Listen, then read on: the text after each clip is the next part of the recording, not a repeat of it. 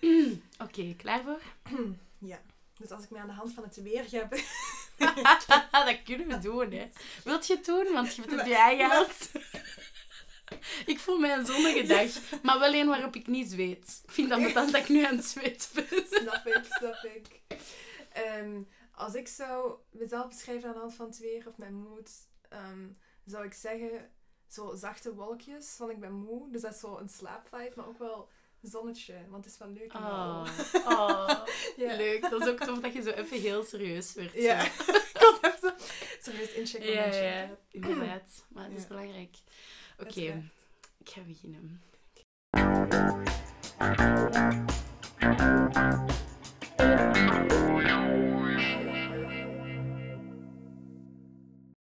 Hallo iedereen en welcome to my trash. Vandaag heb ik een gast, Inke.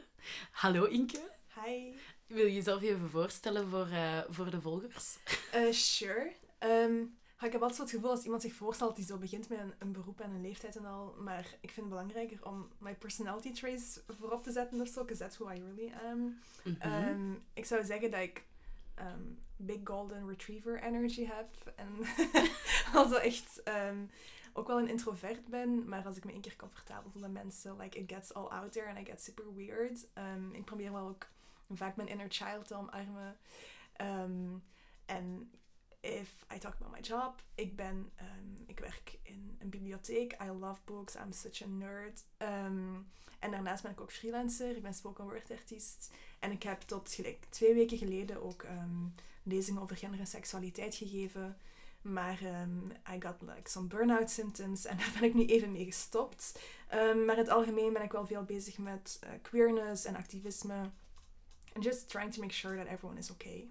Oh. Dat, dat, dat is de basis, I guess. That's what I try to do. Maar ik moet ook eh, goed voor mezelf zorgen. En dat heb ik de laatste tijd niet zoveel gedaan. En dat is wat ik nu probeer meer te doen. Oké, wat een wholesome, een wholesome zelfvoorstelling. Ehm, Oké, daar heb ik al een aantal vragen die in mij opkomen. Ten eerste, eh, super, super nice dat je voor jezelf aan het zorgen bent. Dat is echt belangrijk. Ehm, ik ben er geen expert in. Ik ben er niet zo super goed in zelf. Oké. maar eh, kijk hoe dat je daarmee bezig bent. Eh, daar mocht je echt heel trots op zijn. Verder vind ik ook dat je Golden Retriever energy hebt. I think everyone does. ja, inderdaad. Ehm, En ehm, ja, dan wou ik graag vragen. Dus je bent heel veel bezig met queerness en zo. Mhm. Eh, hoe, de, hoe identificeer je jezelf? Ehm, als ik er labels op zou plakken, zou ik zeggen queer, non-binair en biseksueel. Oké. Oké. En Yes. Brain fart! brain fart, brain fart. Eh, nee, ehm, Oké, maar bon, dan knip ik dat en dan ga ik nu deftig vraag stellen.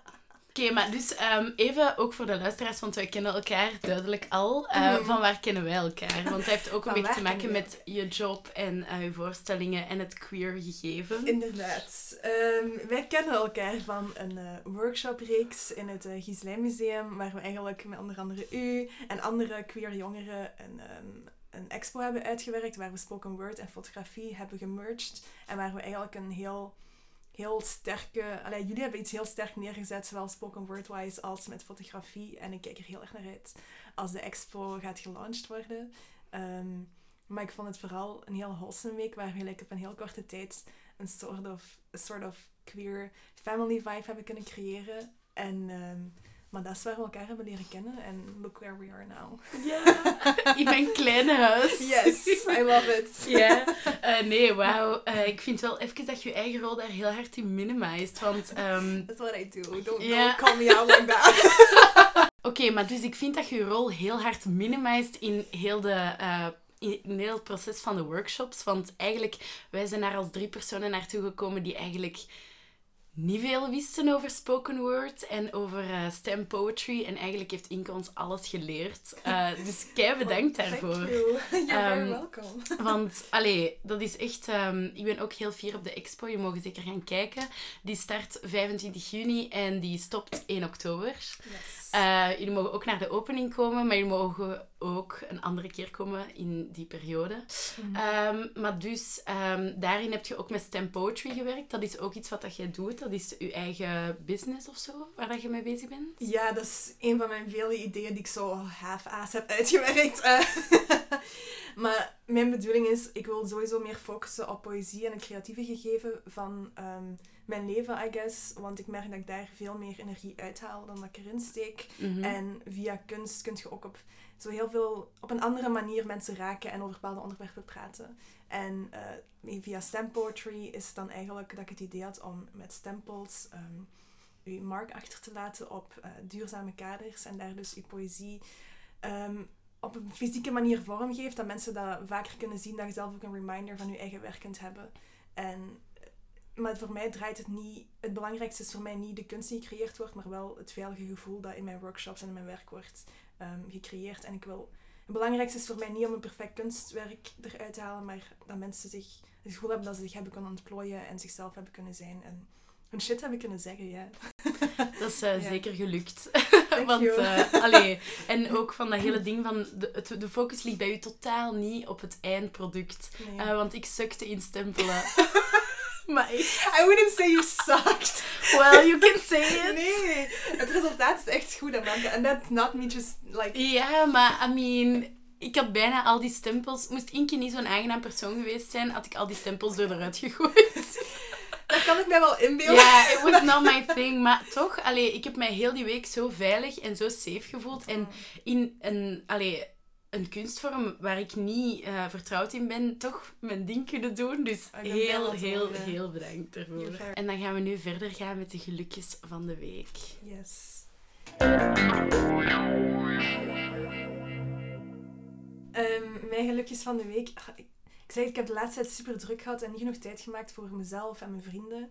En ik heb de laatste tijd, laatste week, eh, vrij veel van mijn vrienden gezien. En ook mensen die ook nog maar recent in mijn leven zijn gekomen, maar zo direct een heel wholesome connection mee heb en zo. Dus ik, ik treasure echt die kleine momenten met hen. En it was, het was gewoon een heel wholesome op vlak van vriendschap en being social. En, en mezelf kunnen zijn. En gewoon, ja, to treasure die connections. En daarnaast ben ik ook gewoon zo... Ik kan enorm hard genieten van alle kleine dingen, like a butterfly. Of gelijk een bloemetje dat uit de steentjes groeit of zo. Dat zijn allemaal zo ook kleine gelukjes van mij. So I, ik kan heel snel van, van zo'n momenten genieten of zo. Oh, maar Ja. dat is echt mooi. ik wou dat ik ook zo was. nee, eh, wauw, dat is echt een heel mooi gelukje van de week. Ik denk ook als je in die kleine dingen heel happy kunt zijn, dat het leven heel veel aangenamer is. It can be, for sure. Ja. Heel mooi. En wat zijn uw kleine gelukjes geweest? Ehm, bij mij was mijn klein gelukje deze week eigenlijk eh, berichtjes van Stefan die ik gisteren gekregen heb. Mhm. Ehm, want ik ben de laatste tijd, eh, merk ik gewoon dat in mijn vriendengroepen, ik heb ook heel veel vrienden, eh allee, not to, sound shitty, maar ik heb heel veel vrienden en ik vind dat heel moeilijk om dat allemaal te onderhouden. En ik merk gewoon bij sommige vriendschappen dat het, ehm, ja, dat het zo aan het wegebben is van mij. En ik vind dat dan heel jammer. Ja. Eh, maar ja, ik kan mijn eigen ook niet in 400.000 splitsen of zo. dus ja, ik zat daar zo aan mee al een tijdje. En in één keer kreeg ik zo randomly van Stefan een berichtje. Hey, just so you know, I love you. And I'm really happy you're my friend. Oh, en zalig. oh, echt waar.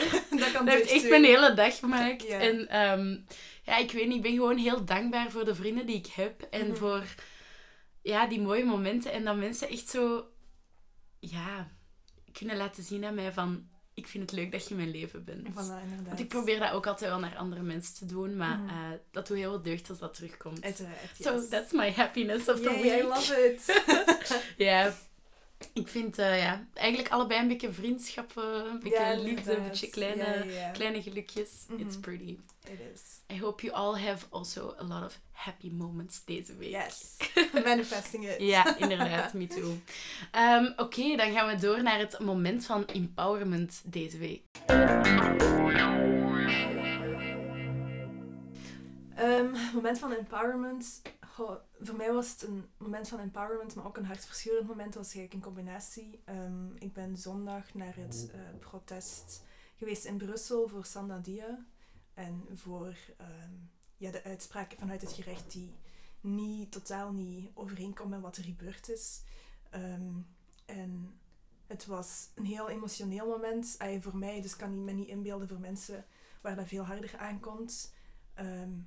Maar om te zien dat er over heel, ja, in zoveel plekken en zoveel mensen samenkwamen en um, alles niet te bezinken, maar ook um, zich uitspraken tegen dat onrecht, tegen die fucked up situatie. Um, je merkte dat mensen, dat, dat mensen zich empowered voelden. En je merkte dat mensen klaar zijn to keep, to keep on fighting the good mm-hmm. fights. En om zo'n momenten te hebben, dat kan... It, it's heartbreaking, maar ook empowering at the same time. Ja. Wauw. Ik ben heel... alleen ben heel mooi. Ik ben um, zelf niet kunnen gaan. Uh, mm. Omdat ook ja, met mijn voet en zo protest gewoon een beetje mm-hmm. dangerous.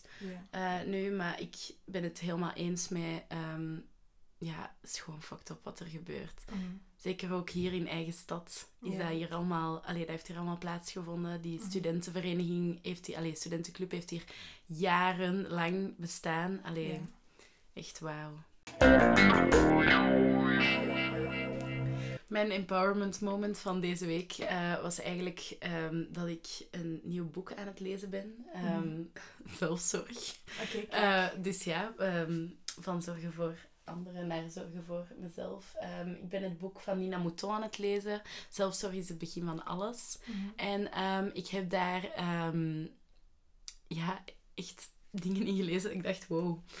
Over trauma, over uh, stress en wat dat, dat eigenlijk doet met een mens. Mm -hmm. En ik ben sindsdien echt even uh, beginnen stilstaan bij die dingen bij mezelf. Yeah. En ik heb dus naar everybody who did me wrong in my life een mhm. brief geschreven. Wauw, oké. Okay. Uh, ik heb die niet verstuurd, maar dus mhm. die liggen hier allemaal. En dat is voor mij wel echt een moment van empowerment. Dat snap ik. Het zijn ja. dingen die ik echt genegeerd heb, die ik weggestoken heb en die ik nu ben van, oké, okay, fuck you. Ja.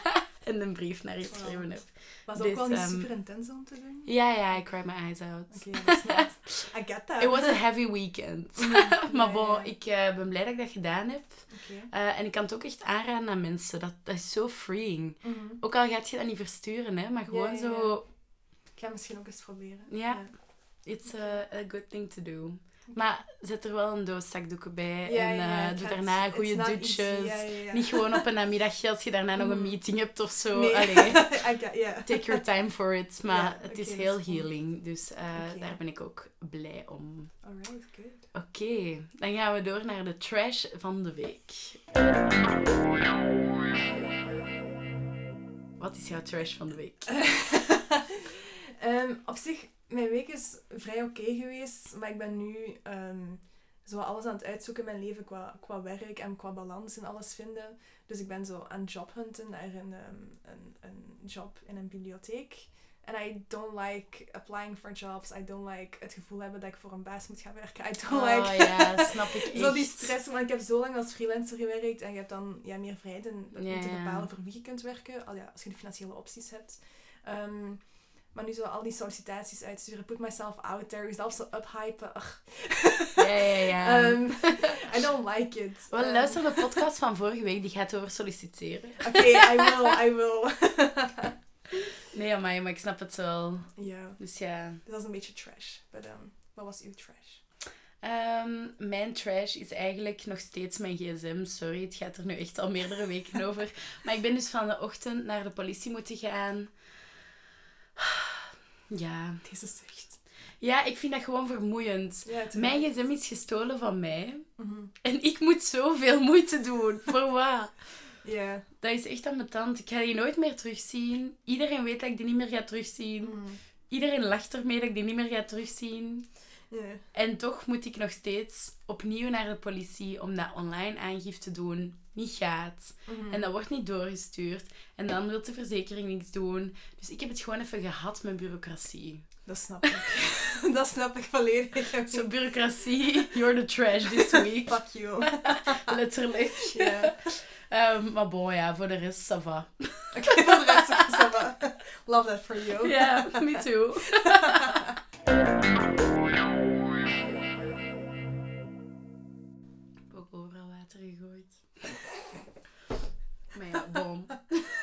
van de week. Waterrollen voor mij. Dat, va- dat valt echt nog mee. Echt, mijn blunders van de week. Ik ben ooit in een riool gevallen. Sorry, maar hoe zelfs? Eh, dus ja, ik was... Dit moet ik misschien in de podcast stoppen. Dat is nog wel Je kan grappig. knippen het, Of, ah, Ah, je- I nou, can ah, plak ja, it, ja, ja, ja. wel. Eh, ja, dus dit was even in onze privé-tijd, maar ik zal het voor iedereen vertellen. Eh, dus het was ehm, 2018. Het was zomer en het was aan het regenen. Mhm. Ik zat in de bib te studeren en het Mhm. was middagpauze. En ik was met twee vriendinnen, maar ja, het regende. Mhm. Dus die gingen lopen, maar ja, dat doe ik niet. Dus ik ben gewoon, kijk, casual aan het stappen, la la la. Maar het regent wel echt. En eh, die gaan allemaal in het appartement, maar die waren dus al binnen. Mhm. En ik zie zo'n voetafdruk. Maar ze waren daar aan het werken, hè. Maar ik zie zo'n voetafdruk. Dus ik denk, ah, die zijn daarover gewandeld. Top, want het is aan het regenen. Dus ik stap en ik val echt los in de riool. En ik zat echt vast. Ik was echt zo roepende. Maar ja, niemand kon me helpen, want het regende. En dan moest ik bellen, dus ik had dan gebeld. Ik zei, hallo, ik zit hier in het riool, want iemand me naar uit komen trekken. Maar ik zat echt tot aan mijn schouders in die riool. En dan zijn die me naar uit komen trekken. En dan ben ik mijn kleren doen al in de douche gegaan. Daar. Maar met schoenen, met alles. Want ja, ik Oh ging vol met... We don't wanna know. We don't. Ja, dus gedoucht en dan nat naar huis gewandeld. En dat was echt aan de andere kant van Leuven. Dat was aan de naad. Ja. En ik zat aan de andere Dus ik echt zo met helemaal natte kleren zo naar huis Oh, gewandeld. nee. Die- En ik had sandalen aan, want it was another era. En die sandalen waren echt zo... ja, dat was echt... eh, dus dat is trash van de week. Ja. ja. Eh, maar dat was dan wel in Van vijf 2018. jaar Maar. Wauw. ja. It's, it is trash. ja, inderdaad. Maar oh, wat heb ik allemaal voor, jong? Dat is echt niet normaal. maar ja, kijk. Sure. That's how it works.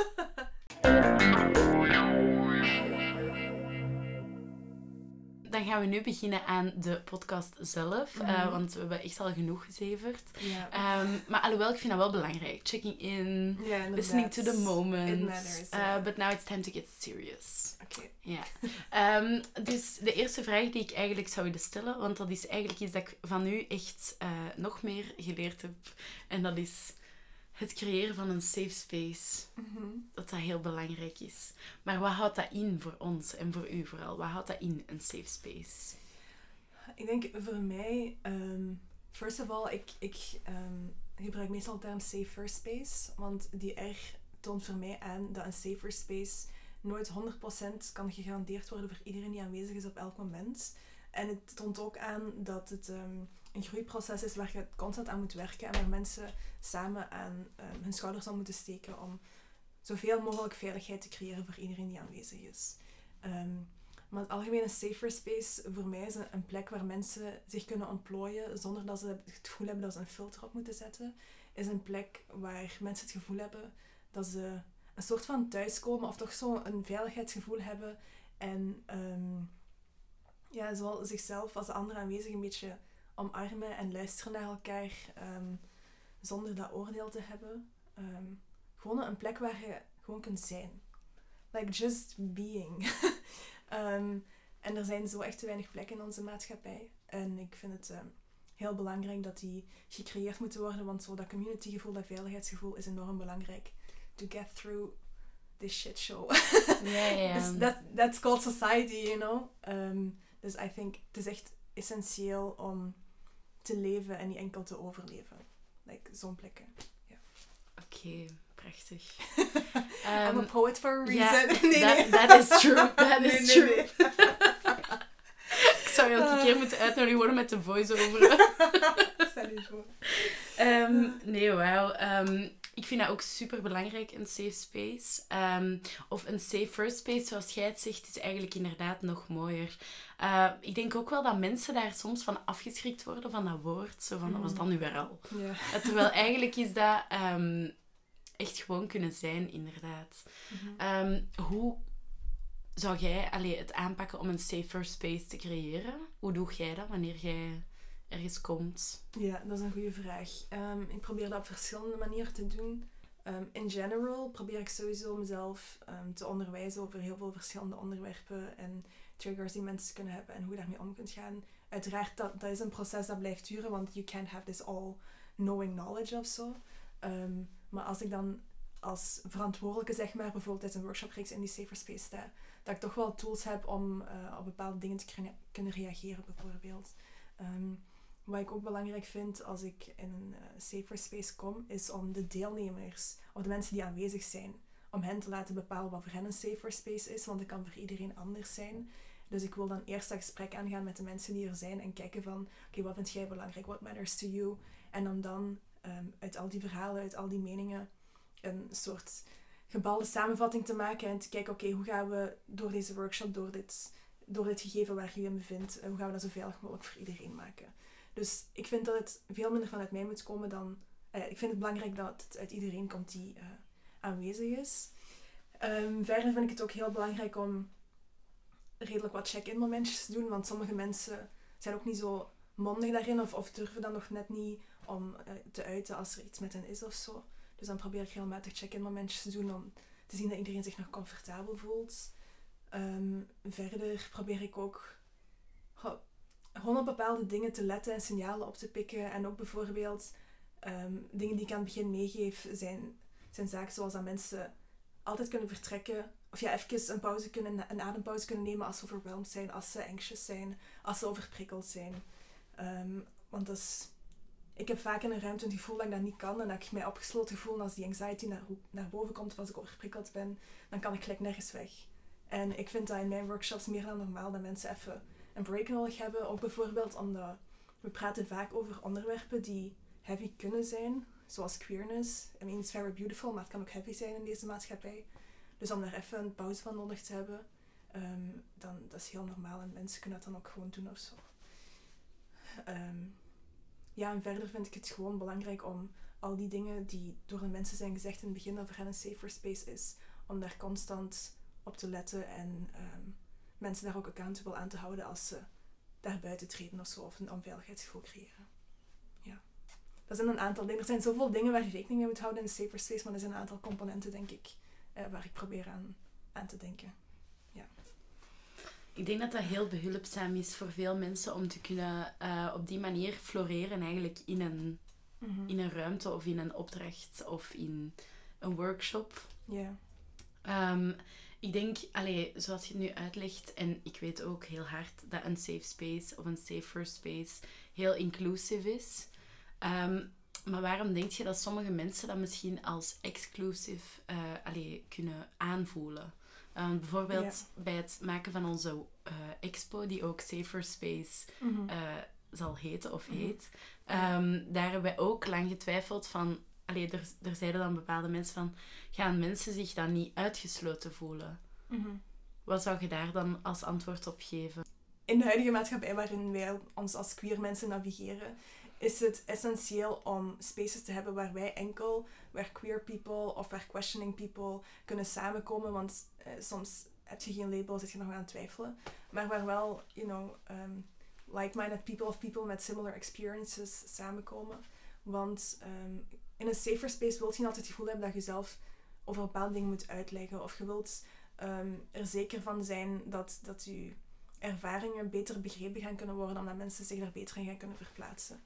En um, die safer spaces gaan nodig zijn zolang we in de maatschappij niet overal onszelf kunnen zijn. Um, dus het is de maatschappij die exclusie in de hand werkt en niet onze safer spaces. Dat they push us in this box en dan zijn ze kwaad dat we erin zitten. Ja. Like, what, the, what are, you, are you thinking this through, babes? Yeah, like, yeah. nee, nee, um, je hebt helemaal gelijk. Zij, like, ja. Yeah. Dus um, ik vind het enorm inclusief, die safer spaces. En ja. um, it's not even... Ja, ik zeg het, we worden ertoe gedwongen om die te creëren. Omdat we niet overal onszelf kunnen zijn. Of gewoon zelfs niet veilig kunnen zijn. Nee, inderdaad. Ik denk ook, moest de samenleving helemaal um, inclusief zijn en iedereen mocht zichzelf zijn, dan was er ook helemaal geen nood. Ah, wel, exact. Ja. Dat is een, uh, helaas een utopie. Ja, inderdaad. maar dus uh, iedereen die wel um, open-minded is of dingen, daar hebben we het ook niet over. Mhm. van, dat zijn niet de soort personen waarin dat wij, allee, of toch in mijn geval dan. Ik als queer persoon ben niet per se zo van... eh, oh, alle hetero's die mogen niet in mijn ruimte zijn. Ja. Eh, want soms, allee, om de een of andere reden denken mensen dat wel. Ehm, maar ik zeg gewoon altijd, ik spreek voor de gays en de allies. En die zitten in mijn hart. En die Ja. zijn welkom in mijn safer space, in Mhm. mijn eh, veilige ruimte. En ehm, ja, iedereen moet gewoon daarin je eigen een beetje aftasten van... Waar ben ik ook... Allee, waar is het oké Mhm. om mij helemaal in te gaan mengen of in te gaan zetten? Of Ja. waar ga ik daar eigenlijk zorgen dat andere mensen daar angst uit krijgen? Of Mhm. dat die zich niet meer veilig voelen in zo'n ruimte. Allee, Ja, inderdaad. want vragen stellen bijvoorbeeld vind ik heel oké net. Mhm. Ehm, bijvoorbeeld bij onze expo, als er daar mensen naar gaan komen kijken, die gaan misschien in het begin niet helemaal mee zijn, maar op het einde Mhm. hoop ik dat die dan wel een breder beeld hebben en dat die Ja. daarvoor openstaan. Mhm. Exact. Ik denk dat het openstaan voor dingen essentieel is. Ehm, ik merk dat ook als ik probeer een dialoog te gaan met mensen over queerness of andere zaken, dat ehm, ik mijn, het, de energie die ik erin steek, baseer ik puur op van zijn ze defensief of niet, staan ze Mhm. voor open of niet. Want eh, we moeten echt onze energie steken waar het, waar het nuttig is. Want, you know, it's an everyday battle soms om, om een eh, space te creëren waarin we ehm, gewoon als mensen gezien worden. Ja, La base. Ehm, dus we moeten echt kiezen waar we onze energie in steken en wat nuttig gaat zijn. En dan die basishouding, dat is echt basishouding. ehm, empathisch zijn en je openstellen voor Mhm. bepaalde dingen. ja jammer genoeg eh, is niet iedereen eh, open-minded. Dat is weer maar eens gebleken tijdens Pride Month. Ja. Ehm, ja. ja. We're both like, ja, lots of work to do still. Ja, inderdaad. Maar we zijn enthousiast. En Yes. de community en de safe spaces geven ook gewoon zoveel energie. Voor mij Exact. toch, in ieder geval. Dat is zo belangrijk om Ja. moments voor die queer joy te vinden. En Inderdaad. it's, ja, om niet enkel maar te vechten. Like, we, moeten, we moeten ruimte maken. Dat is ook tijdens Pride Month of tijdens Pride, tijdens celebrations. They are necessary om, om die queer joy Ja. te uiten en te delen en een communitygevoel te versterken. Inderdaad. En ik vind ook, Pride is ook... Het is joy, een joyful event. Het is geweldig. Het is voor mij ook zeker een safer space. Ehm, maar het is ook een protest. Exact. Het is ook laten Mhm. zien, hallo, wij mogen hier zijn. In Ja. al onze vormen, in al onze kleuren. in al onze, ja, al onze verschillende leuke eh, kanten. Wij mogen er Mhm. zijn. Ja. En eh, iedereen, ja, dat daar dan iets tegen heeft, ja, dat is dan pech, want heel Brussel zit vol gays. Ja. True. Dus ehm, ja, ik vind dat eh, ook zeker echt nog belangrijk. Sowieso. Het is, het is super... Allee, het is, ik heb daar vaak gesprekken over en dat protest dat moet in Pride blijven zitten. We moeten, die, moeten dat balans daarin vinden tussen ehm, celebration en protest. Maar celebration kan ook een vorm van protest zijn. Inderdaad. To have, to experience and to show queer joy in today's society is revolutionary to me. En dat is a protest in itself. Inderdaad. Wauw. Amazing. Moest ik zo met one-liners werken? eh.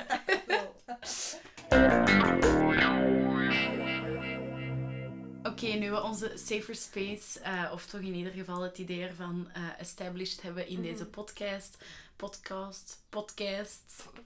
I don't know, Podcast. like a podca- in het Nederlands een podcast. In deze podcast. Ehm, nu wil ik het graag eens That's hebben. gayer than it Zo'n podcast. Oh my god. Waarom heeft niemand een podcast die de podcast heet? Wow. Wauw. Missed opportunity. Jammer. Kan ik dat nog ergens aanpassen op de pankast dan? Oh. Ah, love that. Wow. Wauw. geniuses. Ja, echt amazing. Ehm, maar dat is ook weer een goede een goeie, eh, manier om naar het volgende onderwerp te gaan, of de volgende vraag. Ehm, onze individuele eh, journeys. Eh, hoe is jouw journey eigenlijk verlopen met jouw genderidentiteit, seksualiteit? Hoe is dat een beetje verlopen bij u? Ehm, Als je erover wilt praten. Ja, dat is oké. Thank you for checking in. Voor mij persoonlijk was eerst mijn seksuele oriëntatie ehm a thing waar ik over begon te twijfelen. Dat is zo begonnen in mijn jonge...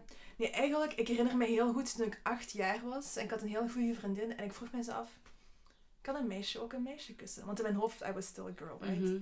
En dat is zo'n heel specifieke herinnering die ik heb. Maar dat heb ik gewoon losgelaten dan of zo. Ja. Ehm, en dan zo meer in mijn, in mijn jonge tienerjaren, zo rond mijn twaalfen of zo, ehm, begon ik meer en meer te twijfelen over, ehm, oké, kan ik ja, me aangetrokken voelen tot, not to the guys, Allee, tot andere mensen. In mijn hoofd waren dat dan enkel meisjes, want dat non-binair gegeven was toen echt nog niet in mijn hoofd, of die informatie was er niet. Ehm, dus ik ga even in binaire termen nu praten.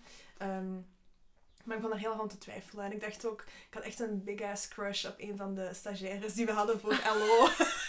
en ik dacht, this is interesting. Ja, ja. Ehm, maar er was echt nog niet veel informatie beschikbaar of zo. Een community vinden op je twaalfde begint er maar eens aan. Ook zeker ja, als je zo tuurlijk. op school de weird kid out bent. Je hebt niet zoveel vrienden of je durft ook niet over heel dingen te praten. Ehm, dus ik was in zo'n shady chatrooms op internet zo Ah, ja. voor de holy bees. En, maar er waren zoveel shady figuren. Dat was echt een dangerous place Ja, eigenlijk. Die daar zo zich binnendrongen. Maar bon, op mijn veertiende, I was like, okay, I'm a lesbian. Ah. Ehm, Oké. en dat had ik toen established. Ehm, en ik heb ook... Ja, ik ben enorm geprivilegeerd geweest in terms of mijn ouders die dat aanvaard hebben toen ik dat vertelde. En ik, ja, ik ik heb er enorm veel geluk mee gehad. Ehm, dat is ook daardoor dat ik mij meer, meer energie en me- meer mental space heb gehad om me in te zetten voor, voor andere mensen dan buiten mezelf. Ehm, maar dat is wel op mijn veertiende established geweest. En toen the most difficult journey for me begon, allee, vind ik toch, ehm, mijn genderidentiteit was een veel grotere struggle dan mijn Mhm. seksualiteit, mijn seksuele oriëntatie. Maar het is eigenlijk toen ik net zei van, oké, lesbisch, yeah, I got it. En toen gender hit en was like, oh fuck. Ja, maar ja, Ehm, heftig. Ehm, en ik, dat waren zo verschillende aspecten die zo, ehm, bijvoorbeeld, ik merkte dat ik me niet super comfortabel voelde in mijn lichaam. Because you know, your boobs start growing, je gaat door puberty, er beginnen ook meer normen op je gelegd te worden, wat je als Mhm. vrouw bent. En, en je begint dan daardoor meer ook over na te denken of zo. En like, is this label of woman, like, does it suit me? Ehm, duidelijk niet. Fast forward. ja, fast forward. Want ik heb gelijk vier jaar eh, getwijfeld over mijn Mhm. genderidentiteit. Maar de informatie die ik vond was ook eh, binair. Dus ja, trans man zou het dan in mijn case zijn geweest. Maar ik heb met dat idee ehm, gespeeld in mijn hoofd, zal ik maar zeggen. Maar het voelde nooit juist aan, helemaal. Ehm, ik heb ook geprobeerd om zo binders, dus binders voor mensen die dat niet kennen, zijn tools die je gebruikt, of ja, een soort van kledingstuk dat je je borst plat drukt. Ehm, en ik heb daar echt zo sokken voor aan elkaar gebonden en daar Oh. geprobeerd mee dat af te... En zo met tape. Please people, als je bindt, do it safely, do it safely, want het kan echt harmful zijn. Dus dat Don't- don't do this at home. Pijn. Oh. Ehm, maar je merkt gewoon door zo dat, dat groot gebrek aan informatie dat Ja, je echt zo'n shit gaat doen en al, omdat je gewoon je niet thuis voelt in je lichaam. Ehm, maar op mijn achttiende ben ik ehm, een persoon tegengekomen die daar op een casual moment gewoon zei van ja, ik voel me geen jongen of meisje, ik ben dan binair. En dat ene zinnetje is all I needed. Op dat moment, in die seconde, wist ik, me too. Oh. Ehm, het was echt enkel solely that piece of information dat ik jaren daarvoor eigenlijk nodig had. Ehm, en ik kan me daar dus direct in vinden. Ik ben zo wel meer research gaan doen. Ja, what does it mean for me? En, en, en welke informatie is er beschikbaar en zo. Eh, maar dat was, een, dat was echt een kantelpunt in mijn leven. Ehm, en dan is dat ook een hele journey voor mij geweest om zo mijn, mijn genderexpressie te vinden. Want ik, ben, ik heb heel, heel een femme-periode gehad, een very masculine periode, very, het ging heel fluide en it was very up and down Mhm. en ah ja, een rollercoaster. Ehm, en hier zijn we nu, fast forward acht jaar later. Eh, ik heb ook bijvoorbeeld een, eh, top surgery gehad, wat wil zeggen dat ik nu een platte borst heb, which I didn't have before. And the joy has never been bigger. Oh. Ik voel me nu, ja, ik voel me nu helemaal thuis in mijn lichaam. Ehm, maar ik wil er wel- even bij disclaimen of zo dat ehm, iedereen een journey in dat non-binair gegeven anders is. Mhm. Je moet nooit, er zijn geen surgeries nodig to like um, to feel a certain way or to identify a certain way. Iedereen heeft een eigen journey daarin. Voor mij was het eh, onder andere mijn chest en dat die now the titties are gone and I am I've never been happier. Um, ik voel mij zo echt thuis in mijn lichaam en de dysforie daar rond is weg en it's it's onlangs, deze vorige week eigenlijk, ehm, ben ik voor de eerste keer zonder t-shirt naar buiten gegaan. En ik ben gewoon zo in het gras gaan liggen en I was just soaking it all in. Ik ben bijna beginnen wenen. Het was gewoon zo'n joyful moment. Ehm, dus dat is één journey van mijn hele gender journey dat ja, enorm positief is nu op dit moment. Ehm, en ik ben grateful dat ik dat heb kunnen doen en dat ik de means en de possibilities had om dat te kunnen doen. Dus ja, maar uh, hier zijn we nu en op dit moment ben ik echt, zit ik goed in mijn vel, weet ik ook qua genderexpressie, like what I feel most comfortable with. en ja, ik zeg het, I'm dancing on the norms and making them my playground. Oh, ja. um, dus ja, dit is zo wholesome. Allee, ik had allergies, maar nu ben ik, weet ik niet oh. of ik echt aan het wenen ben of oh. niet. Oh, wauw. Heel mooi. Ik hoop ook, allee, ik vind het heel, dank u om uw verhaal te delen hier ook. Uh, ik denk, ik hoop ook echt dat mensen er iets aan hebben ook. Allee, als je zo andere mensen hun journey hoort, dat, allee, dat kan echt alleen maar helpen. Ja, dus uh, bedankt om dat hier te doen.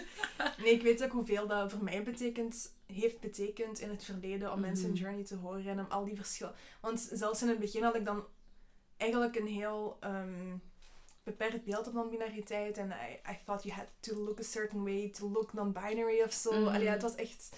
Um, er was zoveel beperkte informatie en door mensen hun verschillende journeys te zien en daar de diversiteit in te zien en te zien hoe je op verschillende manieren, like endless ways, there's endless ways to be non-binary, dat heeft mij enorm geholpen in mijn eigen journey. Dus that's why ik ook mijn... Uh, That's why I put myself out there, because I'm a fucking introvert. So it's not like I always... It doesn't come natural. nee. um, maar ik besef wat de impact kan zijn. That's why I do it, I guess. Ja, dat is echt heel mooi. Ik wil, ik je bedanken. Oh.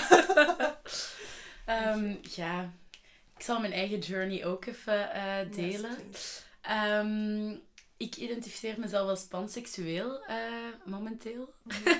momenteel zeg ik erbij, omdat ja, voor mij is, zijn labels heel uh, echt een journey geweest. Ook echt. Um, want ja, als ik nu terugkijk naar mijn kindertijd, zou ik er niet zo van moeten verschieten uh, dat ik niet hetero ben. Maar toen ik aanwezig was in mijn kindertijd, uh, was ik echt heel hetero. Okay. Um, ja, ik vond dat... Allee, ik was ook echt een beetje... Als kind zeker een hopeless romantic child. Mm -hmm. um, en ja, ik, ik weet niet, ik, ik had echt zoiets van, oké, een jongen en een meisje. Nee, nee, nee. Ik kom -hmm. ook uit een heel klein dorp. Um, en ik kende eigenlijk niemand die uh, niet hetero was, behalve juf Gwenda. Ja, Oké, go. Uh, go juf Gwenda, yeah. I love you. um, maar dus ja, voor de rest, ik, ik had echt als kind, kind echt geen... Um, niemand in mijn omgeving, mm. weet En ik weet nog wel dat ik als uh, klein kind een keer op uh, het speelpleinwerking een lief had, een meisjeslief. Maar ja, dat was maar gewoon voor omdat, dat was maar gewoon. Sure. It was not in a gay was, way. No, it was not in a gay way. Like, mm -hmm. it wasn't. I've heard this before. Ja, voilà. Maar dus ja, ik was er ook echt van overtuigd. It's mm -hmm. not in a gay way. Mm -hmm. um, maar wel dus wel een relatietje, eh, tof. Yeah. Um, en dan ben ik naar het middelbaar gegaan. En dan vanaf het derde middelbaar ongeveer uh, ben ik mega haar beginnen twijfelen. Oké. Okay. Want... Um, ik was echt een ruige tiener. Uh, dus vanaf mm. tweede middelbaar ben ik begonnen met uitgaan. En uh, heb ik dus ook mijn eerste vijf muiltjes gehad. met, uh, met jongens, natuurlijk. Want ik was hetero. Ja, dus ja, en, voilà. um, en um, er zat toen een meisje in mijn klas. En um, ja, ik was daar eigenlijk kei verliefd op. Oké. Okay. maar... Ja, dat, dat was niet waar, want ik was hetero. Uh, dus dan heb ik daar echt heel lang over gestruggeld uh, zelf.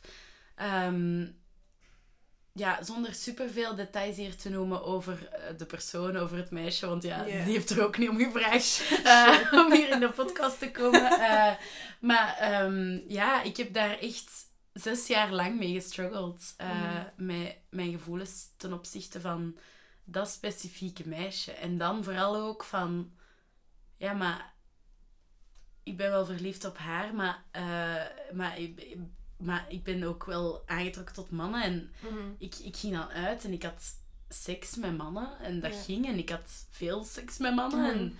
dat ging. En ja, alleen ik, ik weet niet, ik, ik wou zoiets aan mezelf bewijzen. En ik was eigenlijk toen wel al een ally, want in het middelbaar ehm, had ik dan wel gay people, queer people, uh, all the people leren kennen. Uh, waaronder dat meisje ook trouwens, yeah. uh, die wel uit de kast was. Um, en dan was ik altijd zo de nummer één ally, maar for some reason dacht ik, maar ik kan dat niet zijn, want, mm.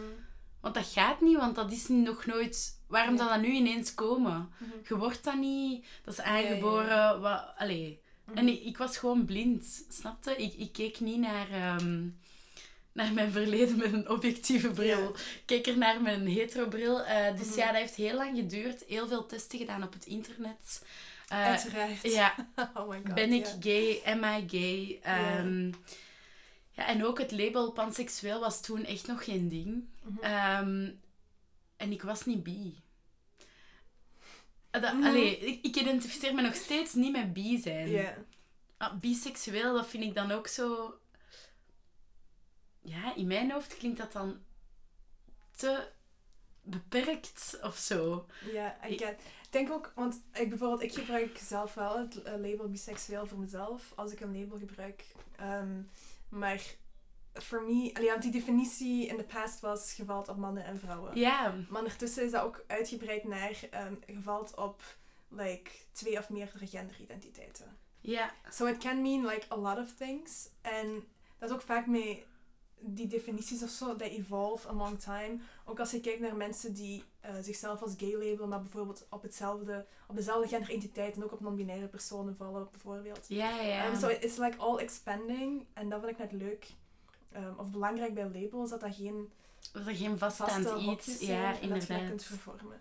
Want dat is natuurlijk wel iets waar dat je mee struggelt als je niet weet of dat je nu, wat dat je nu bent. Dan wilde echt zo in zo'n vast label. Ja. En ik vond daar echt geen plaats voor mezelf. Mm -hmm. En dan was er zo Ruby Rose. Oh my god. Um, met die video Break Free. Um, ja, dus um, ik keek dat, denk ik, 40 keer per dag.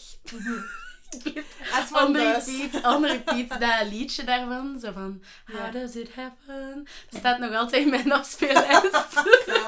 uh, ik was daar volledig door verbouwereerd. En toen dacht ik, ja, oké, okay, dat kan hier echt niet dat ik hetero ben. um, dat is niet meer, dat is niet meer, uh, dat is niet meer natuurlijk. Um, dus ja, um, dan uiteindelijk ben ik dat toch beginnen toegeven. en dan ben ik op mijn 21 uit de kast gekomen. Um, als panseksueel. Um, mm. Maar dat label is dat ik toen vond dat het beste bij mij paste. Mm. Um, want ik val eigenlijk op persoonlijkheden. Ja. Ik val op mensen hun persoonlijkheid. En ja, ik ben in mijn leven twee keer verliefd geweest. Mm. Uh, nu toevallig op een meisje en een jongen. Ja, okay. dus ja.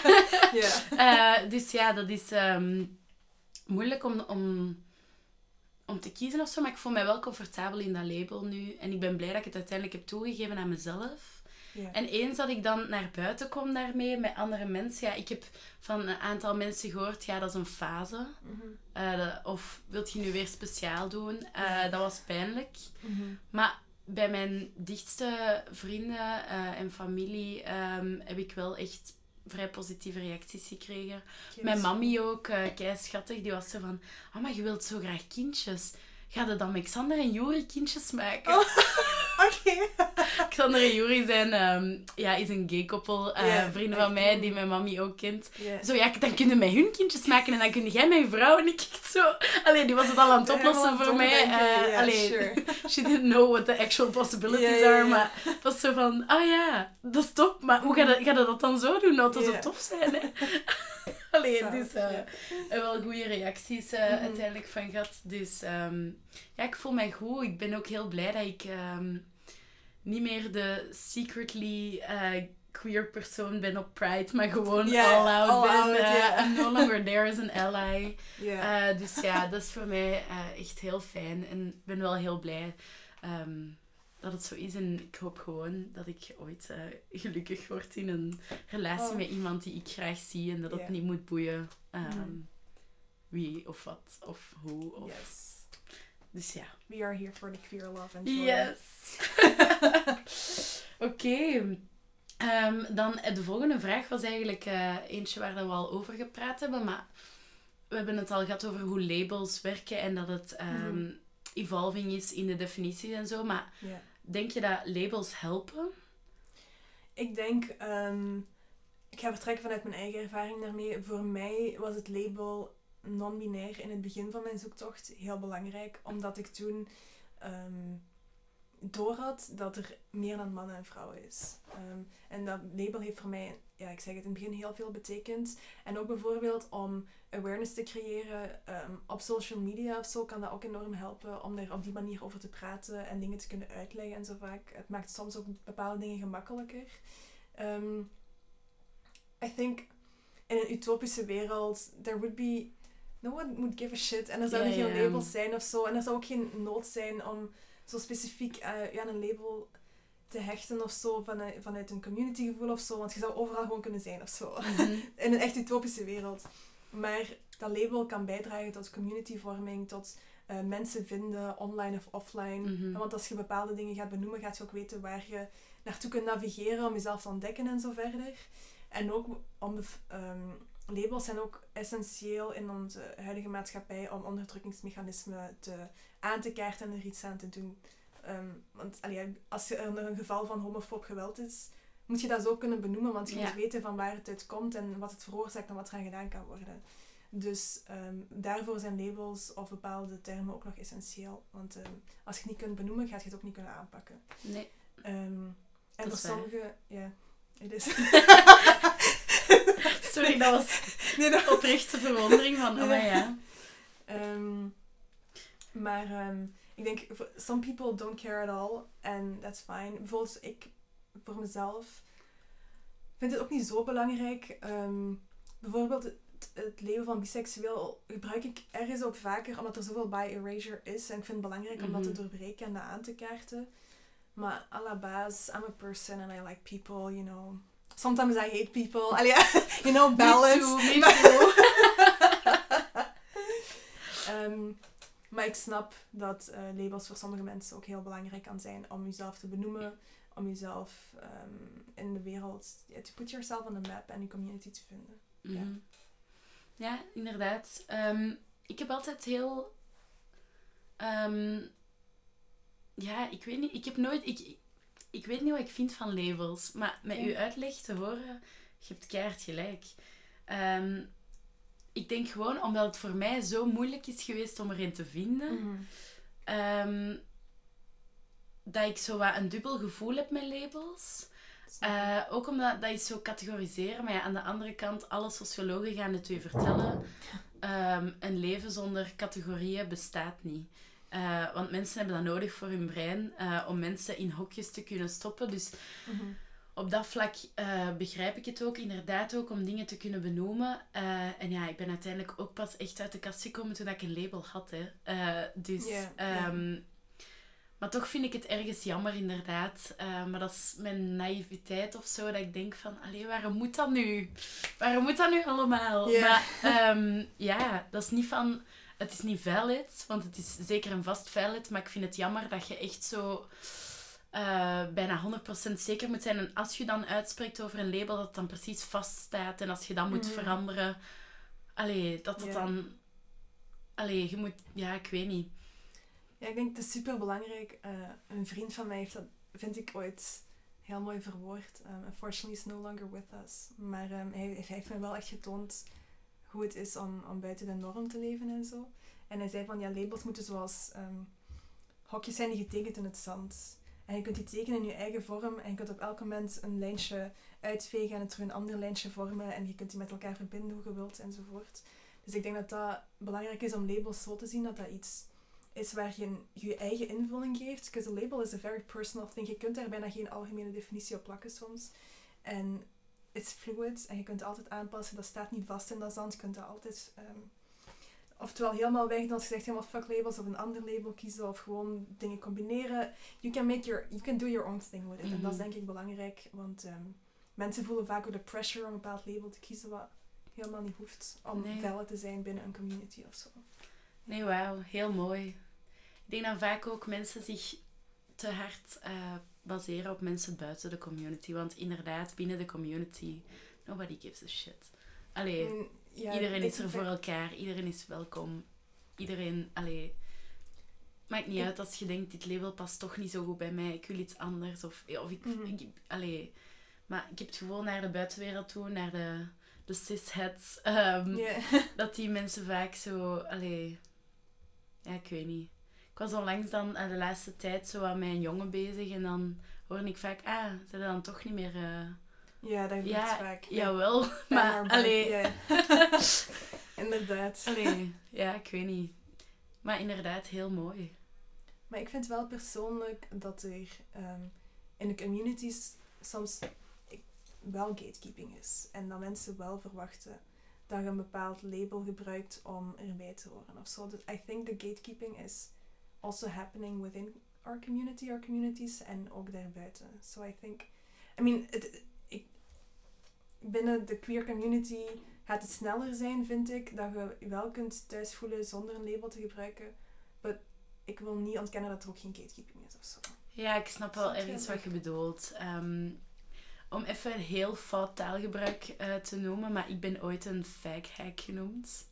Oké. Ehm, en eh, dat was vrij heftig. Ja, dat snap ik. Ehm, want ik was eh allee, weg met een eh, paar ja, gay men. Mhm. En ja, I'm a female. Ja. Ehm, ja, ik was erbij. ehm, en dan leek dat alsof ik zo de straight bestie was. Mhm. Allee, dat is eigenlijk wat ze daarmee bedoelen, hè, met een fake hack. Mhm. Ehm, maar ja, I wasn't. Ja. en nu heb ik ook deze tattoo. Ja. Alleen dat is niet, niet I in, have a eh, queer tattoo. ja, I have a queer tattoo. Eh, dat is niet, niet per se daarom, maar ik bedoel, allee, ik merk wel dat ik dan zo ben van... Ja, bent... Look at my tattoo, not- I am I'm actually queer. Maar dus ja, ik snap wel inderdaad dat je Mhm. daar ook bedoelt. Ehm, ja, ik denk dat ik gewoon het gevoel heb dat mensen meer open-minded zijn daarin dan mensen van buitenaf. Ik heb dat Ja, met veel dat dingen. Gelijk, als je vegan bent, Mhm. vleeseters gaan je vaker aanvallen als je een keer eens iets fout zou doen. Mhm. Of als je een leren schoen aan hebt, eh, dan vegans zelf. Mhm. En oké, er zijn extreme vegans en er zijn gatekeeping, queer people. Maar Mhm. ik heb het gevoel dat vaak mensen nog harder gaan aanvallen wanneer ze niet in het label vallen. Allee, of niet in de categorie passen of zo. Ja, daarvoor. Dus van, ah, ik dacht dat jij... eh, allee, Ja, ja, ja. ik moet het niet eens voordoen. Ik denk Mhm, dat nee, iedereen inderdaad. snapt Ja, ja, mensen ja. ik bedoel. Mhm. Ehm, ja. Oké, labels. Interessant. Ik heb echt nieuwe inzichten. Ja, oké. Ja. Super. Thank you. Heel mooi ook met. Prachtig.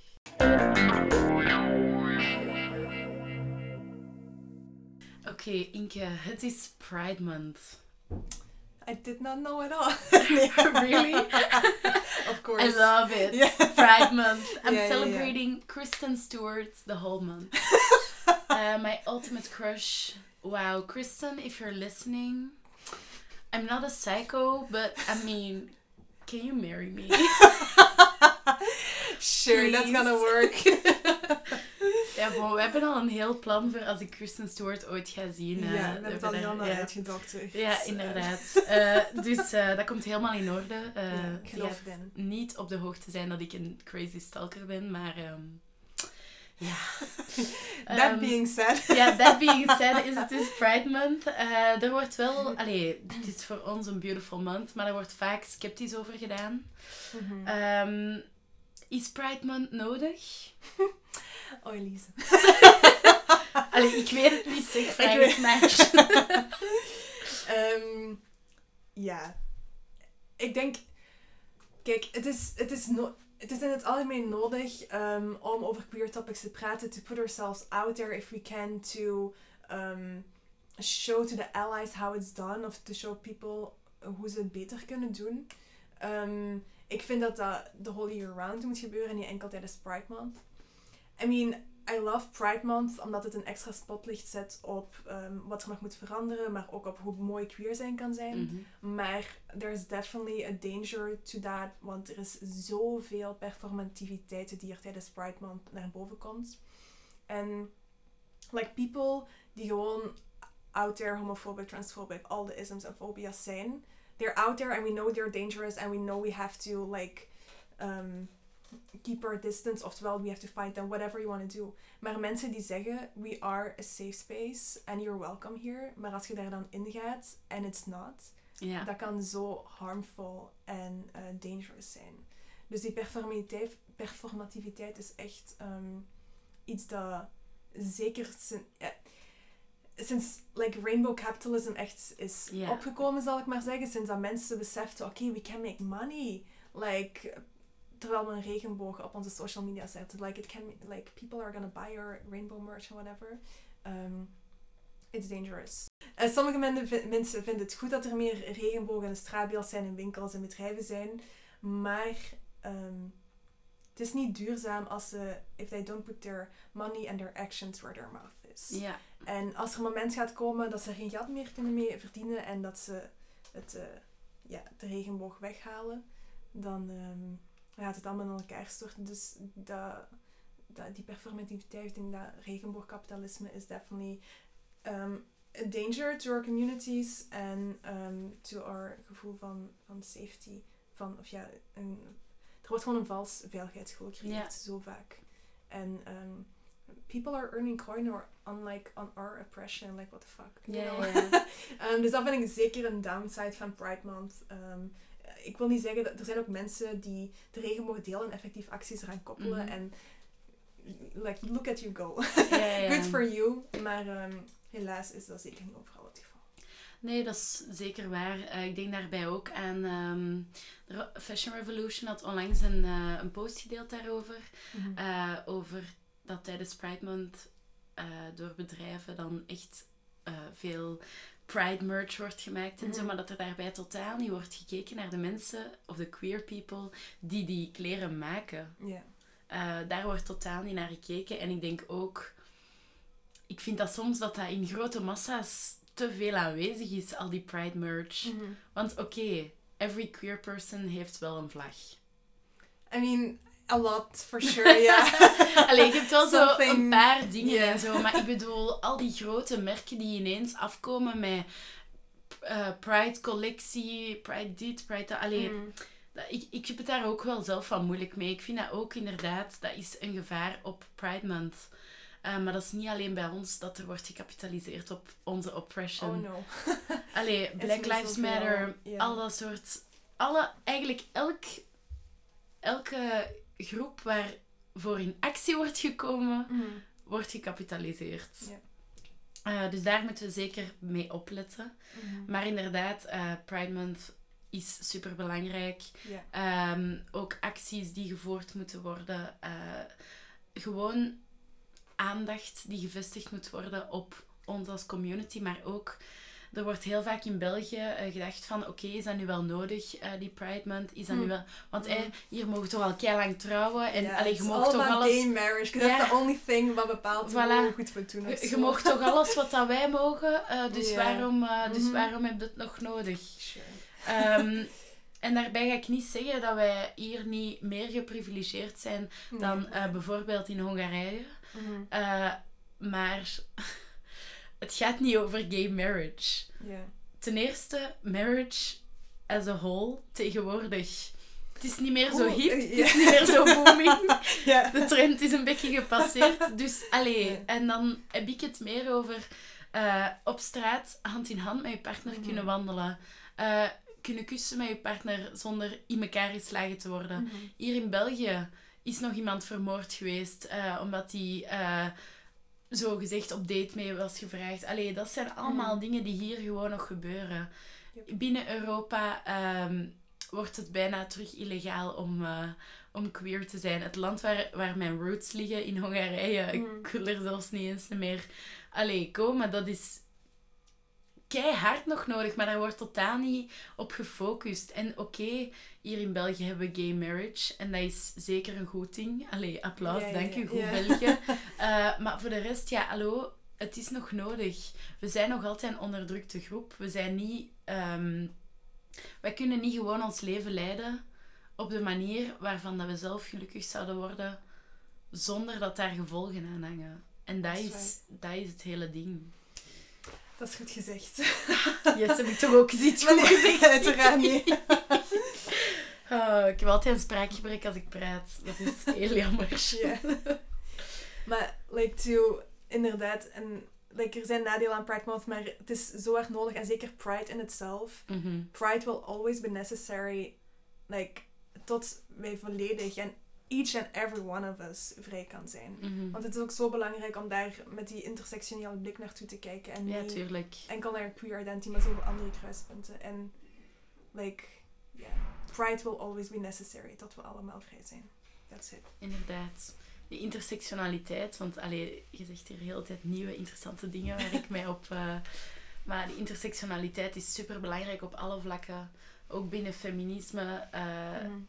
Je bent nu eenmaal niet enkel een vrouw of enkel eh, queer of enkel ehm, iemand met een andere huidskleur dan wit of enkel dik of enkel... Je bent nu eenmaal Mhm. niet enkel iets. Je bent niet enkel een eigenschap. Je bent een combinatie van alles. Mhm. En ja, er is nog steeds racisme. Er is nog steeds genderongelijkheid. En dan zeker eh, wordt er totaal niet gekeken naar andere genderidentiteiten die niet binair zijn. Mhm. Dat, dat wordt gewoon vergeten in, door superveel instanties, door superveel... Allee... Heel de wereld denkt nog steeds super binair. Heel de wereld... Er is nog zoveel racisme. Er is nog zoveel ongelijkheid op zoveel vlakken. Het is niet alleen dat queer zijn, inderdaad. Mhm. Dus daar moet echt ook... Allee, voor degenen die niet weten wat intersectionaliteit betekent, het is echt gewoon dat. Je bent niet enkel een eigenschap. Je bent Mhm. het middelpunt van al je cirkeltjes. Inderdaad. En ook een aanvulling op ja, de hele wereld die zo binair denkt.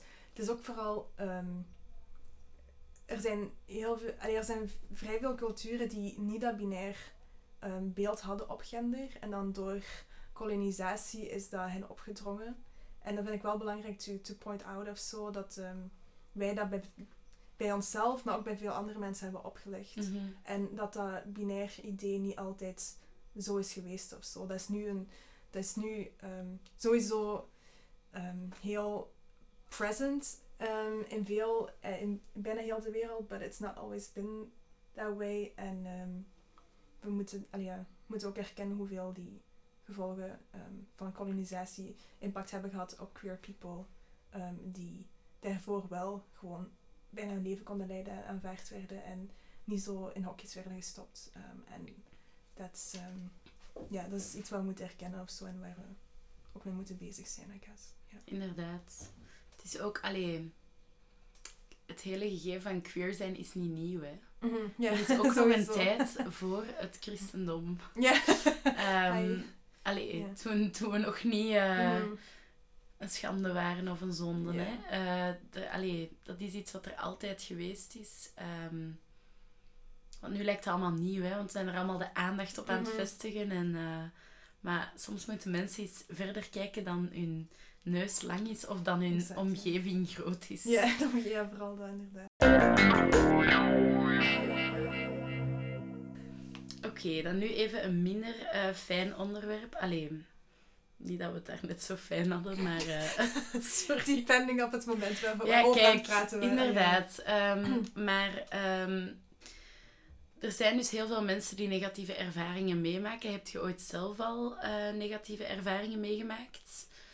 Ik denk ehm, ja, dus dat helaas elke queer persoon hun verhalen heeft. Maar ook sowieso als we buiten dat persoonlijk verhaal treden, er op, op systematisch niveau wordt ons zoveel geweld aangedaan, ook al is dat niet...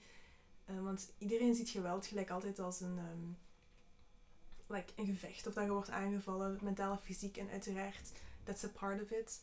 Maar het systematisch en structureel geweld dat wij meemaken is echt buitenproportioneel, ook hier in België. En dat is ehm, traumatiserend aan zich om in een maatschappij te leven waar je op die manier wordt buitengesloten op een structureel niveau. So we're all going through that, unfortunately. Ehm, voor mij persoonlijk, ik, bij mij beginnen de kleinste vormen van geweld bij elke dag misgenderd te worden, sowieso. Ehm, ik kan daar niet rond, tenzij ik mezelf ga opsluiten in mijn huis, but I don't want that. I want to be unapologetically queer. Ehm, ik heb ook het privilege dat ik dat kan zijn, of, ja. Maar that's, een package deal of zo. Ehm, om daar dan miskenner te worden omdat ik die hun voornaamwoorden gebruik en ik wil niet dat mensen met, met man of vrouw aanspreken of geen andere genderwoorden gebruiken. Ehm, dus het begint bij zo'n kleine dingen en dan als je dat elke dag meemaakt, it's exhausting. En ik moet daar zeker ook, I have to pick my battles en bepalen wanneer ik daarop inga, wanneer niet, wanneer ik mensen ga educaten, wanneer niet. Want ehm, als ik elke keer ga ingaan op zo'n zaken, dan doe ik niks anders dan educaten. En mijn queerness is een important part of me, but it's not all that I am. En mensen Mhm. reduceren mij vaak tot dat en verwachten dat ik ga educaten en verwachten dat ik hen met alle geduld van de wereld alles ga uitleggen. But I don't have the time and energy for that. Nee, inderdaad. Ehm, dus daar begint het mee. En ehm, ik heb het geluk gehad dat ik nog geen ehm, fysieke aanvaring heb gehad eh, door mijn queerness. Op het, op het vlak van like, echt iemand die persoonlijk mij gaat aanvallen. With violence. Ehm, met mentaal geweld wel. Ehm, helaas. Ik ga daar ook niet te diep op ingaan of zo. ehm, maar ik denk wat voor mij belangrijk is, is dat ik daarbij een community had en support had waar ik op kon terugvallen als ik iets traumatic meemaakte of zo. En dat is voor mij echt essentieel geweest to get through those moments. Want ik zou niet weten, without my community, how I would have come through them. Ehm, dus ja, I think, yeah, we all have our stories. En it- it's, ik ga er ook niet, it can be very triggering ook om, om daar heel diep op in te gaan, I guess. Ja, ja, ook niet Ehm, nodig. Ja, maar ehm, ik zeg het, die, de community and the, the people I had around me have definitely been life saviors. And um, I really hope that people out there hun eigen community kunnen, community kunnen vormen en kunnen vinden, want dat is echt such an essential part of um, the possibility to experience queer joy and in abundance. Yeah. I don't know, I'm emotional. ik weet niet wat ik allemaal aan het zeggen ben. Me too! Oh, Ehm, wauw. Maar ik denk dat in het algemeen zo de media en ehm, mensen hun idee vaak gebaseerd is op het op persoonlijk geweld dat je meemaakt, maar het systematisch geweld is zo traumatizing to everyone. Mhm. En daar wordt niet genoeg over gepraat, over het effect ervan. Kijk naar de mentale gezondheidscijfers van queer people, van trans people in België, die zijn fucked. Ik ga, allee, ik ga daar geen blad voor de mond in nemen. En eh, we moet, er moet zoveel gebeuren op structureel en systematisch niveau, maar dat is zo'n log en fucking traag gegeven. Um, like we need a fucking revolution, weet je. Um, maar because that's not happening fast of zo, is het echt belangrijk dat je een community hebt om op terug te vallen en waar je die joy kunt vinden en waar je wel jezelf kunt zijn en waar je ja, zeg joy en abundance kunt ervaren, want dat is zo belangrijk. Ja, inderdaad. Dat is echt waar. Ja, amai. Prachtig. Prachtig. Oh, ja, het is gewoon echt zo, hè. Je, mensen staan daar niet bij stil wanneer ze dit niet meemaken of zo. inderdaad. Mensen staan daar niet bij stil dat, dat, allee, dat niet alles opgelost is door één wet te veranderen Mhm. en door... Ja. Maar daarom ook voor mensen die nu luisteren en die nog heel hard aan het struggelen zijn of die het gevoel hebben dat ze geen community vinden of hebben. ehm, ik zou zeggen, ga naar queer events. Ga, leer mensen kennen. Het is echt zo nice als je mensen hebt die net zoals jij zijn. eh, net zoals... Amai, mijn tussentaal is letterlijk tussen gegaan. Maar het is zo leuk om, allee, om mensen te hebben rond u die zijn zoals jij en die, waar dat je goed bij voelt. En dat je denkt van, ah, maar je hebt dat ook meegemaakt. Ik herken mezelf daarin. Of, allee, dat is echt de grootste tip inderdaad. Maar ook, zelfs al bent je nu in een klein dorp en zit je daar tussen de koeien.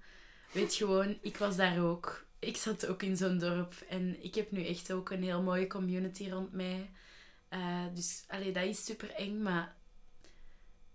And if you don't have anybody at all, text me. Stuur me een bericht Ja. op Instagram. Voilà, same, inderdaad. Want ja, het is inderdaad niet mogelijk voor iedereen om naar events te gaan. Of to be... It's not also not safe for everyone om een, op een publiek queer event te zijn. Nee, dat is waar. Um, so if you wanna text me of text Elise of ja, als je je ervaring wilt delen of gewoon even een gesprek wilt hebben, um, you can text us. En er zijn ook online tools waar je anoniem hulp kunt vinden. Um, they're out there. Het is echt melig om te zeggen, but you're never really alone of zo. Nee. Um, er zijn ways to connect, even. Ja, ook op een veilige manier, I guess. Dus ja. Inderdaad. It's try to find that community of try to find one person at least of zo. Inderdaad. En allee, ons kun je altijd sturen. Maar wat ook kan helpen is uh, om mensen bijvoorbeeld te volgen.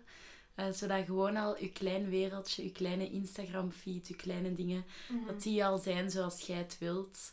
Uh, met mensen waarin je jezelf herkent. Um, dat, dat helpt ook echt al heel veel. Allee, It really does. ja. Ja. Ik heb ook ooit eens door al mijn Facebook-vrienden gegaan en everybody who posts things that make me angry Ja, weg. is weg. Ja, dus uh, allee, dat kan ook echt al heel veel doen. inderdaad. And you are not alone. Exactly. Oké. Goed, en in Ehm, my emotions. ja. Maar kijk, dat mag er zijn. Ja, dat is waar. Dat is belangrijk. Yes. Dan gaan we nu even een moedswing doen. Ja. Uh, wat zijn je meest euforische momenten? Oh, I also got plenty of those. It's not just trauma. Oh my god. Um, en dat is wel belangrijk om te benadrukken. Of zo, want ik wil niet... I don't want to portray the queer experience as just trauma. Of just like... There are so many beautiful things to being queer. Um, there are so many moments. Oh my god. Um, sowieso de eerste keer toen ik... Ik heb er straks al over gepraat. Maar de eerste keer dat ik besefte dat non-binariteit bestaat en dat ik niet in die hokjes moet passen... Ik weet niet of ik mij ooit zo gelukkig heb gevoeld als in dat moment. Um, want dat voelde zo bevrijdend aan. En ook, ik ben toen ook gaan, meer gaan nadenken over mijn seksuele oriëntatie. En dat is dan ook helemaal aangepast van, vanuit dat lesbisch label wat ik niet meer gebruik nu. En gewoon die vrijheid vinden in de queer community. En beseffen dat niks vaststaat en alles is fluid. En je can just be. En dat je Mhm. echt je buiten die normen kunt plaatsen. Dat is possible. Want je merkt dan als je terugblikt op, di- terugblikt op dingen dat je echt je ging, zelfs als het onbewust ging assimileren naar wat een norm is en daar binnen proberen te passen. En dan daar buiten te breken, om dat te beseffen dat dat gaat, that's so liberating. En dat is, dat is zo'n euforisch gevoel. Ehm, een van de andere grootste euforische momenten dat ik mij herinner, is dat ik ehm, wakker werd in het ziekenhuis. Oh. Ik kijk naar beneden en het flat. Ja, I wauw. was, like, ik ben nu zo, ik, jullie kunnen het niet zien, maar mijn glimlach is zo breed momenteel. Ja, echt een blij ei hier naast mij. ja, dat was, ik kan niet beschrijven hoe euforisch dat dat voelde. Ehm, de gender, de gender-euforie, de, het, het geluk om, om thuis te komen in mijn lichaam, dat voelde echt van, wow, I am in my body. Het was like, het is zo raar om, om in een lichaam te zitten waarvan je het gevoel hebt dat dat niet van u is. En op dat moment besefte ik van, I am in my body, this is me, I feel good with this. Ehm, en daarna ook gewoon zo tanktops aandoen. En van de week had ik nog een turtleneck aangedaan. Dat was de eerste keer sinds Ja, mijn ik had het topsurgery. gezien op Ja. Oh. En I was feeling myself, Ja. weet je. En gewoon, ik ben altijd zo onzeker geweest. En er zijn nog altijd onzekere momenten over aan. Maar de confidence boost dat dat mij heeft gegeven. En ook als het aankomt op, op het vlak van daten en putting myself out there en zo'n dingen. I'm like, oh my god, I'm here. I'm feeling myself. I'm loving myself. Ehm, en dat maakt, dat maakt alles zoveel gemakkelijker. Want het is heel moeilijk om te beschrijven hoe, hoe dysforie aanvoelt. En, en hoe, hoe je dat echt ja, gewoon de grond indrukt soms als je in de spiegel kijkt. Maar dus dat moment dat ik dat niet meer had, dat ik echt die euforie ervaren, dat was... Ja, I, I cannot put this into words. Ehm, en oh ja, ik denk zo'n momenten ook dat je beseft dat je een community rond je hebt kunnen vormen. En dat je een, een second family of a chosen family of like, hebt rond je. En gewoon zo dat moment dat je dat realiseert, dat je echt gewoon dat hebt kunnen vormen en zo een, andere thuis hebt kunnen creëren waar je volledig jezelf kunt zijn. That's, that's queer joy, I mean, at its finest. Oh. What about you? Was that you? Like, let's share the queer joy. Ehm, oh, wauw. Ik heb ook echt heel veel mooie momenten. Mhm. Ehm, ik denk voor mij, eh, de eerste keer dat ik echt zo eh, queer joy aangevoeld heb, is eigenlijk toen ik ehm, voor mezelf. dus ik was, eh, wa- hoe oud was ik toen? 16, denk ik. En toen heb ik het zo voor mezelf echt... Bes Allee, ik ben er niet meer naar buiten gekomen, maar voor Mhm. mezelf had ik toen echt zo van, ja, oké, bon, voert. En dan heb ik eh, op een eh, paar dagen alle queer films die er waren Ja. eh, gekeken. Dus zo But I'm a Cheerleader, Oh my god, Carol, iconic. um, met die, met die kraan, allee, met die dakwerker en die... Zo. allee, wacht, hoe noemt dat nu? I miss this? Wacht, dakwerkje. Ja, en dan... Very sexual film. Idee. Oh my god, am I Under- uncultured? Under. Allee, ik heb die film duizend keer gezien. Ja, bon, ik zet hem in de beschrijving van de podcast. Het is zo, het is zo een, eh een meisje, lesbian, dakwerker. En zo een femme die getrouwd is met een man. En dan ontmoeten die elkaar. Die man is zo even weg. En dan hebben die seks. eh, en dan komt die man terug thuis. Maar dan zijn die samen. Ik, ik, Under Aha. her mouth, ah ja, ik, denk ik. heb ik dat gezien? Ik weet het Wacht, dat ga ik nu eens even opzoeken. Want dat is hier nu echt We wel have iets to know, belangrijk. people, we have to know. Below her mouth. Below her mouth. Below her mouth. Ja. Ik weet niet of ik die gezien heb, but I have seen the title. Ja, wauw. Ehm, very- er is- dat plot trekt op geen voor. Dat is echt gewoon pure, pure eh, seks. Ja, ik weet even... eh, nee, ik ging het niet eh, censureren hier. Maar bon, dus ja, ehm, al die films naar elkaar gekeken. En dat was zo de eerste keer dat ik zo was van... Ja, ja, ja. Zalig. Eh, dus dat was heel leuk. Dan mijn eerste Pride, eh, waar ik naartoe geweest was, wel nog als ally, maar in mezelf ehm, Mhm. was ik, wist ik het wel. En dan, eh allee, wist ik het, had ik het eindelijk toegegeven. Mhm. Eh, dus dan, dat was ook heel mooi. En dan vorig jaar, want met corona en zo, was het dan de eerste Pride sinds ik oud ben.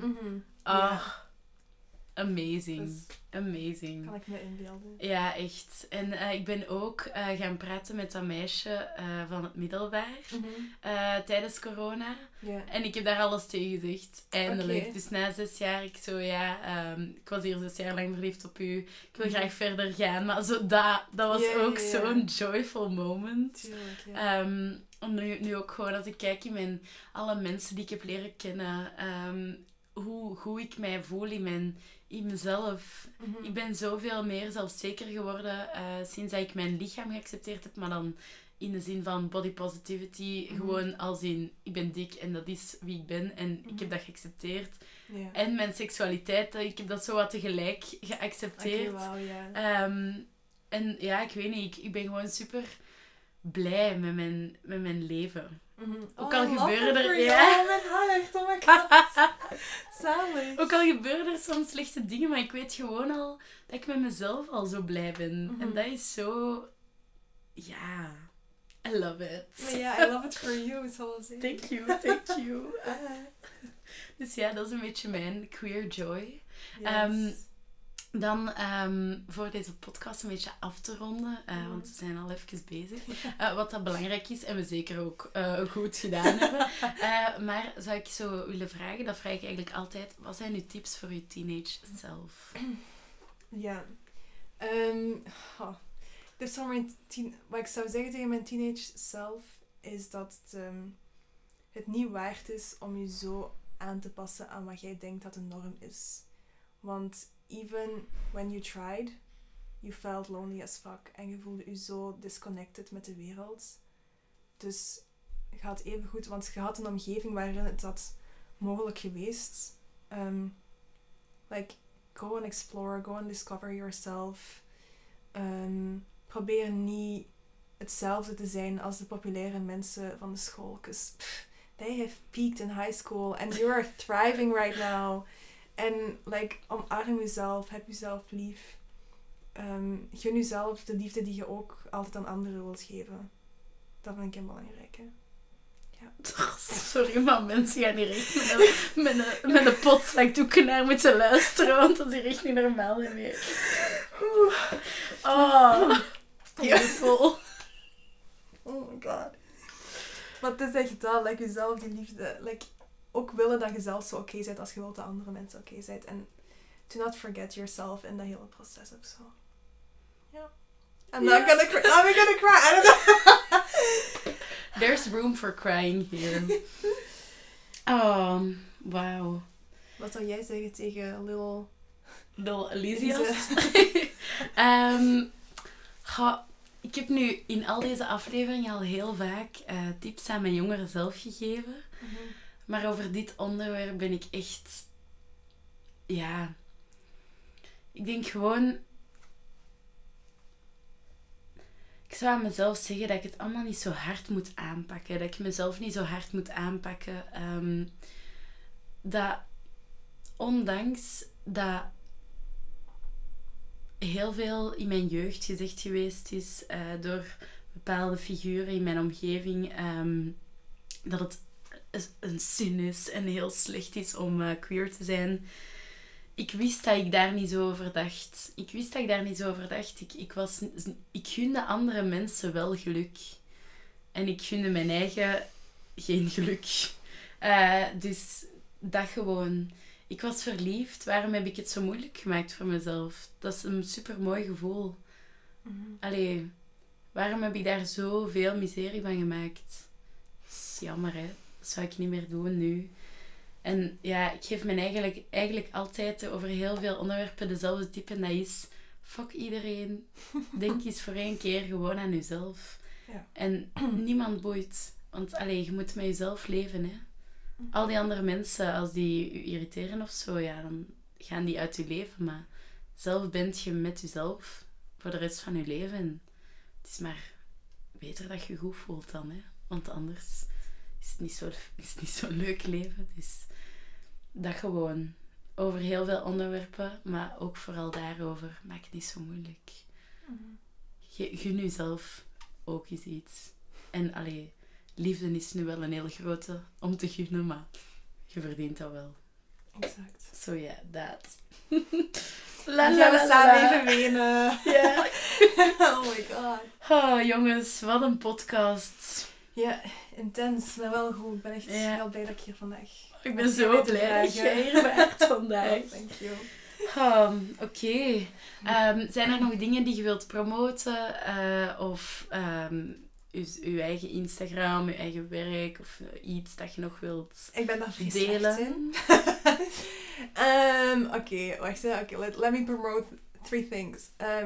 Eerst en vooral mijn Instagram is Inke Gigaze. Mijn naam heeft wel eens in de caption staan, want niemand spelt. Like, ja, ik, uh, ik zet alles in de beschrijving. No worries. Um, maar dan wil ik vooral promoten, like, please text me if you're feeling alone. Um, als ik geen mentale ruimte heb, geef ik dat gewoon aan. But you can always text me en we kunnen praten. En like, please do so. Um, blijf er niet alleen mee zitten. Uh, secondly, ik heb een spoken word EP die Zoek heet. You can find it on streaming platforms. Hey. Echt de moeite waard. De moeite waard. Um, Wauw. En ten derde wil ik gewoon zeggen dat we, wij verdienen queer joy in abundance. We deserve to feel not just okay, maar safe and happy. And we deserve to thrive en dat wil ik gewoon nog even benadrukken. We deserve this. You deserve this. En um, laten we dat voor ons elkaar, laten we dat voor elkaar en voor onszelf mogelijk maken. Ah. Wauw. Oké, dit is een mooie. Jongens, meisjes, iedereen ertussen. I love you all. en erbuiten. En erin. Iedereen gewoon. Ik zeg altijd jongens gewoon. Uh, Op het einde. uh, maar um, ik zie jullie graag. Uh, ik hoop dat jullie iets hebben aan deze aflevering. En thanks Thank for you. watching, for listening. Sorry, back in my YouTube era. Love you. Bye. Bye.